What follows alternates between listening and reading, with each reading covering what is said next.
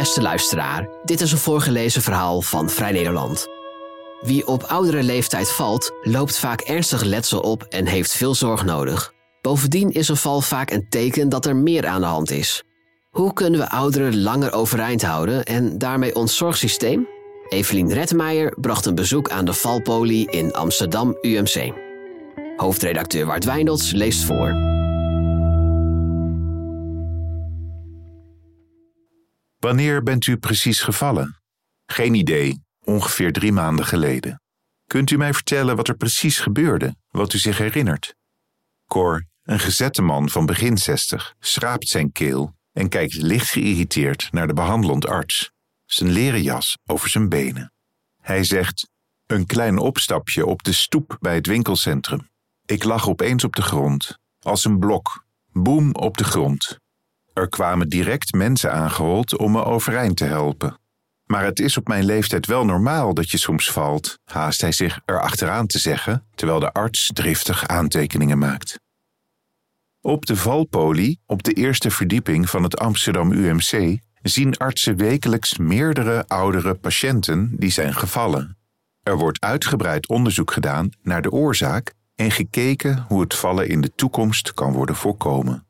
Ouderen vallen gemakkelijker door gebrek aan evenwicht, verlies van spierkracht, verminderd zicht en het vaker voorkomen van duizeligheid. Maar er kunnen ook ziekte of bijwerkingen aan ten grondslag liggen.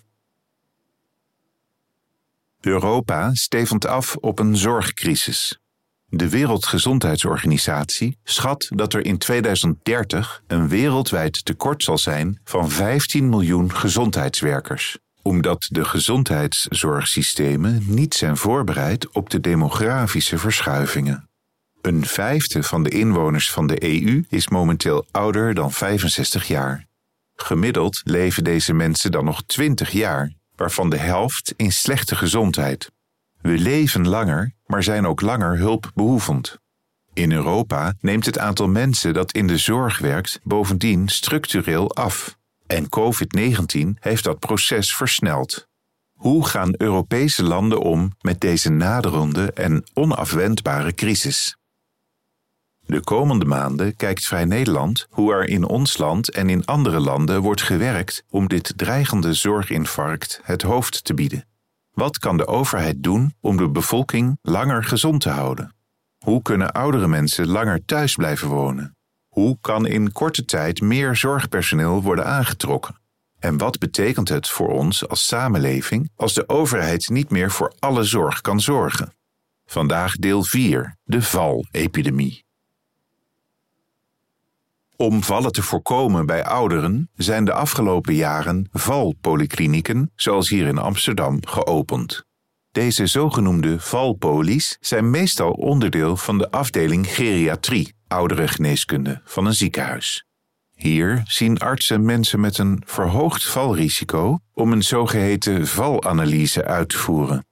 Daarbij wordt gekeken naar mobiliteit, medicijngebruik en eventueel onderliggend lijden. Hoogleraar ouderengeneeskunde Nathalie van der Velde is gespecialiseerd in valpreventie en verbonden aan Amsterdam UMC. Van der Velde zegt: Ouderen die vallen moeten zich realiseren dat vallen niet hoort bij ouder worden, maar dat het een alarmsignaal is, waarna altijd contact met een arts moet worden opgenomen. Het CBS maakte vorig jaar bekend dat in 2021 twee keer zoveel mensen overleden aan de gevolgen van een val als tien jaar geleden. De toename van het aantal valincidenten is ook terug te zien in het aantal ziekenhuisopnames. Sinds 2019 belandt er iedere vier minuten een 65-plusser op de spoedeisende hulp na een valincident. Dat zijn er meer dan 100.000 per jaar en gezien de vergrijzing zal het aantal valincidenten alleen maar toenemen.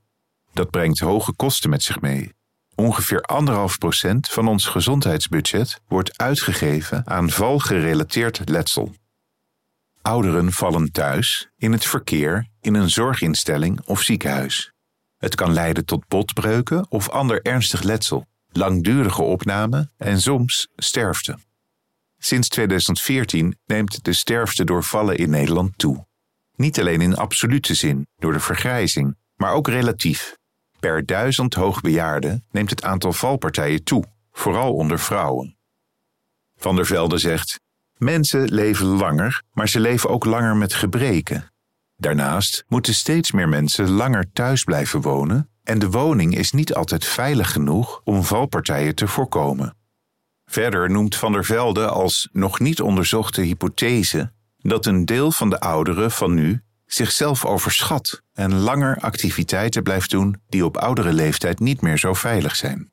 Van der Velde zegt: Denk aan bomen snoeien, een dakkapel repareren, schaatsen. Deze generatie blijft langer actief en dat is meestal positief, maar er kleven ook risico's aan. Het is een lastig evenwicht. Actief blijven is goed voor de spieren, maar er is een groep die zichzelf overschat in wat nog verantwoord is. Marcel Levy is voorzitter van de Raad van Bestuur van de Nederlandse Organisatie voor Wetenschappelijk Onderzoek, NWO, en was daarvoor CEO van University College London Hospitals. Hij waarschuwt al langer voor deze, volgens hem, stille epidemie waar het in talkshows nooit over gaat. Levy zegt: Preventie moet veel belangrijker worden. Het steviger maken van botten is ingewikkeld, maar je kunt wel het brozer worden proberen te remmen. Ook aanpassingen in huis zijn relatief gemakkelijk te doen en kunnen voor veel verbetering zorgen.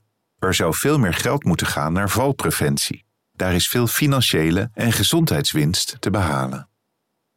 In het regeerakkoord van het nu demissionaire kabinet Rutte 4 was valpreventie voor het eerst als maatregel opgenomen. Gemeenten krijgen geld vanuit het ministerie van Volksgezondheid, Welzijn en Sport om valpreventieprogramma's op te zetten voor inwoners van 65 jaar en ouder. Van der Velde zegt: Het is ingewikkeld om aan te tonen hoe goed preventie werkt. Als iemand goed heeft leren vallen, zien wij die persoon waarschijnlijk niet hier. Ik zie dat de preventieadviezen die wij hier geven echt effect hebben. Cor is klaar met zijn loopoefeningen. Zonder ondersteuning is hij tien keer omhoog gekomen en weer gaan zitten. Dat gaat probleemloos.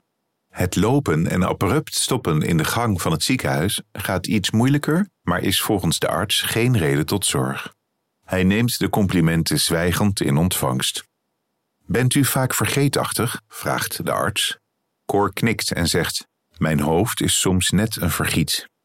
Wat vervelend. En kijkt u nog televisie, naar het journaal bijvoorbeeld? Lachend zegt Cor: Ja, ik ben niet helemaal simpel. Hoogleraar ouderengeneeskunde van der Velde zegt: We weten inmiddels dat vallen ook een teken kan zijn van beginnende dementie of van een depressie. Dus ook daar screenen we op. We moeten heel goed zien wat er in het brein gebeurt. We kijken op alle vlakken wat er zou kunnen spelen. Dus ook angstklachten en bezorgdheid om te vallen, waardoor mensen gevaarlijk kunnen bewegen, juist omdat ze te voorzichtig lopen. Begin dit jaar meldde de Nederlandse Vereniging van Spoedeisende Hulpartsen, NVSHA, dat er op de spoedeisende hulp veel meer kwetsbare, onderkoelde ouderen binnenkomen dan een paar jaar geleden. Ze zien nu dagelijks ouderen die na een val urenlang op de vloer hebben gelegen. Ze vallen, kunnen niet overeind komen en liggen dan heel lang op de grond voordat er hulp komt. Enkele jaren geleden kwam dit slechts één of twee keer per maand voor. Van der Velde zegt hierover: Ik heb geen cijfers, maar ik zie wel meer isolatie. Mensen zijn meer thuis en alleen. Ook ziet ze dat ouderen sinds de coronacrisis minder zijn gaan bewegen. Ze zegt: Ze hebben daardoor conditie- en functieverlies. Van der Velde benadrukt dat er goed gekeken moet worden naar onderliggende oorzaken als ouderen niet overeind kunnen komen na een val. Ze zegt: Voorheen deden we meer onderzoek als mensen meerdere keren vielen. Maar nu hebben we met een internationale groep experts ook afgesproken extra onderzoek te doen als mensen lang blijven liggen. Omdat dat vaak een aanwijzing is dat er meer aan de hand is. Ook aan Cor wordt voorzichtig gevraagd naar zijn persoonlijke situatie. Hij vindt het spervuur aan vragen inmiddels wat veel worden op deze maandagochtend en doet weinig om zijn irritatie te verhullen. Hij vertelt dat hij een vriendin heeft die hij vaak ziet en die vaak voor hem kookt. Daar heeft u dan wel geluk mee, of niet? vraagt de arts. Cor antwoordt: Ja, ik kan zelf niet koken, nooit gedaan. Bent u tevreden met uw leven? Nee, ik vind er weinig meer aan. Wat vindt u nog wel leuk? Heeft u hobby's? Daar ben ik mee gestopt, door die somberheid. Ik vind het leven leeg. Voelt u zich vaak waardeloos? Cor schuifelt ongemakkelijk op zijn stoel en zegt: Ja, eigenlijk wel. De behandelend arts belooft Cor dat hij later die dag terug zal komen met een advies- en behandelplan nadat alle uitslagen zijn besproken en geanalyseerd. Met een voorzichtige glimlach drukt ze hem alvast op het hart dat er ook tegen somberheid medicijnen zijn die goed kunnen werken. Van der Velde zegt: Depressies kunnen ook ten grondslag liggen aan een val. Mensen krijgen daardoor minder zin om te bewegen, worden apathischer. We zien ook wel eens vitaminetekorten of een schildklierafwijking. Of medicijngebruik dat met het verstrijken van de jaren aangepast moet worden, omdat het voor duizeligheid is gaan zorgen. Een val is vrijwel altijd een teken dat er meer aan de hand is. Ik pleit ervoor dat huisartsen iedere patiënt ouder dan 65 jaarlijks vragen of die is gevallen de laatste tijd. Deze patiënt is door de huisarts hier naartoe gestuurd. We hopen dat onze polies steeds meer bekendheid krijgen. De komende maanden zal duidelijk worden in hoeverre gemeenten, ook de kleinere, gebruik maken van het budget dat ter beschikking is gesteld om programma's voor valpreventie te ontwikkelen. In veel gemeentes lopen al valpreventietrainingen voor senioren, maar Van der Velde hoopt dat het daar niet bij zal blijven. Ze concludeert: de bewustwording bij de mensen zelf is nog te beperkt. Mensen moeten weten dat ze zelf heel veel kunnen doen om gezonder oud te worden en dat de samenleving dat meer en meer van ze zal vragen. Dit verhaal werd mede mogelijk gemaakt door het steunfonds Freelance Journalisten.